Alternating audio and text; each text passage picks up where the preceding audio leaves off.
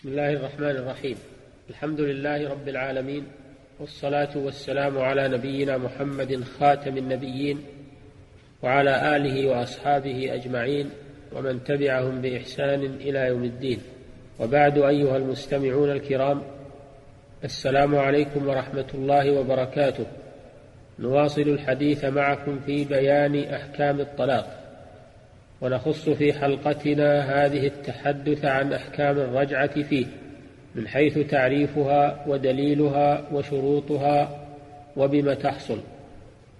أما تعريفها فهي إعادة مطلقة غير بائن إلى ما كانت عليه بغير عقد. وأما دليلها فهي ثابتة بالكتاب والسنة وإجماع أهل العلم.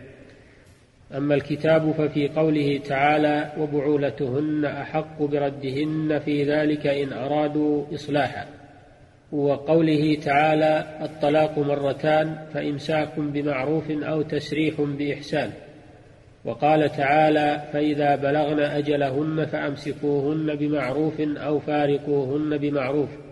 وأما السنة ففي قوله صلى الله عليه وسلم في قضية ابن عمر مره فليراجعها. وطلق النبي صلى الله عليه وسلم حفصة ثم راجعها.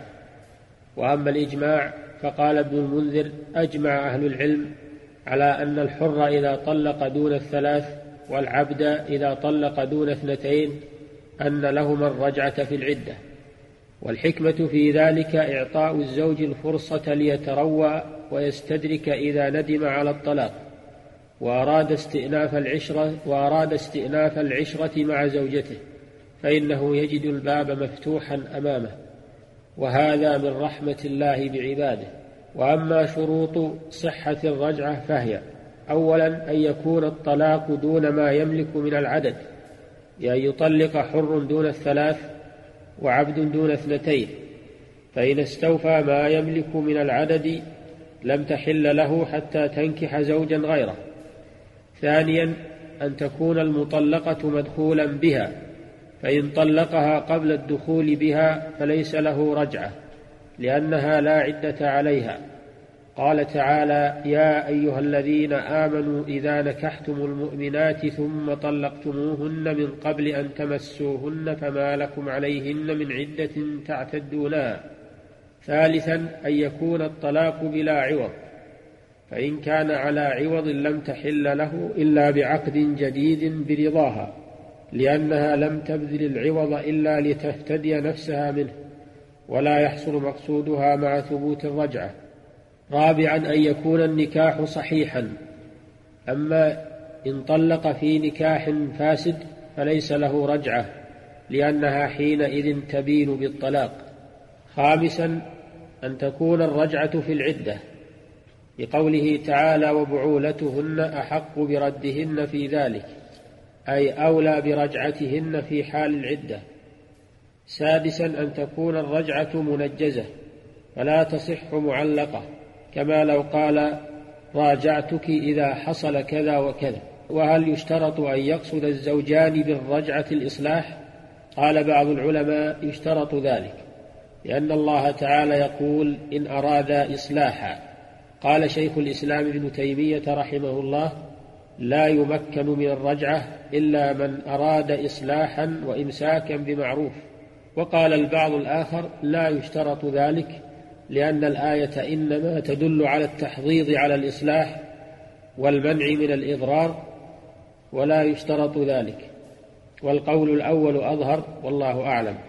وأما ما تحصل به الرجعة فإنها تحصل بلفظ راجعت امرأتي ونحو ذلك مثل رددتها أمسكتها أعدتها وما أشبه ذلك من الألفاظ.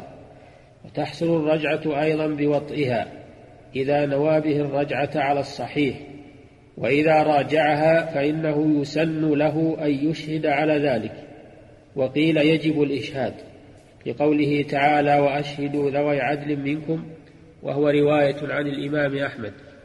وقال الشيخ تقي الدين ابن تيمية رحمه الله لا تصح الرجعة مع الكتمان بحال والمطلقة الرجعية زوجة ما دامت في العدة لها ما للزوجات من نفقة وكسوة ومسكن وعليها ما على الزوجات من لزوم المسكن وغير ذلك من حقوق الزوج ولكن لا قسم لها عليه ولها أن تتعرض لزوجها وتتزين له لعله يراجعها.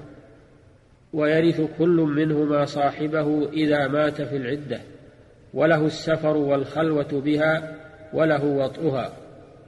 وينتهي وقت الرجعة بانتهاء العدة فإذا طهرت من الحيضة الثالثة واغتسلت لم تحل له إلا بنكاح جديد بولي وشاهدي عدل لمفهوم قوله تعالى وبعولتهن أحق بردهن في ذلك أي في العدة.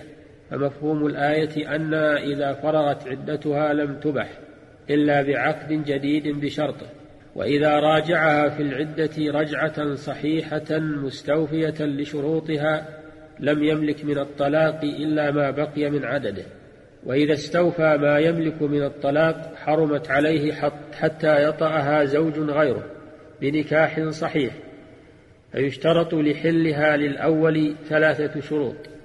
أن تنكح زوجا غيره وأن يكون النكاح صحيحا وأن يطأها الزوج الثاني في الفرج لقوله تعالى فإن طلقها فلا تحل له من بعد حتى تنكح زوجا غيره فإن طلقها فلا جناح عليهما أن يتراجعا إن ظنا أن يقيما حدود الله. قال العلامة ابن القيم وإباحتها له بعد زوج من أعظم النعم.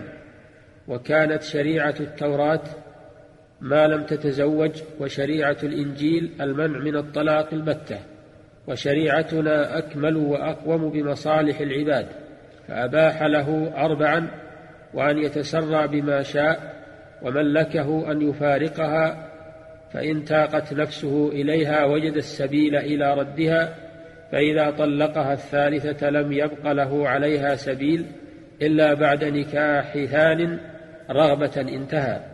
ولا بد أن يكون نكاح الثاني لها نكاح رغبة فيها.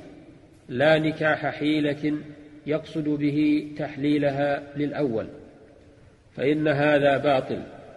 ومن فعله كان تيسا مستعارا كما سماه النبي صلى الله عليه وسلم ونكاحه باطل لا تحل به للأول. والله أعلم. وصلى الله وسلم على نبينا محمد وآله وصحبه والحمد لله رب العالمين وإلى الحلقة القادمة بإذن الله والسلام عليكم ورحمة الله وبركاته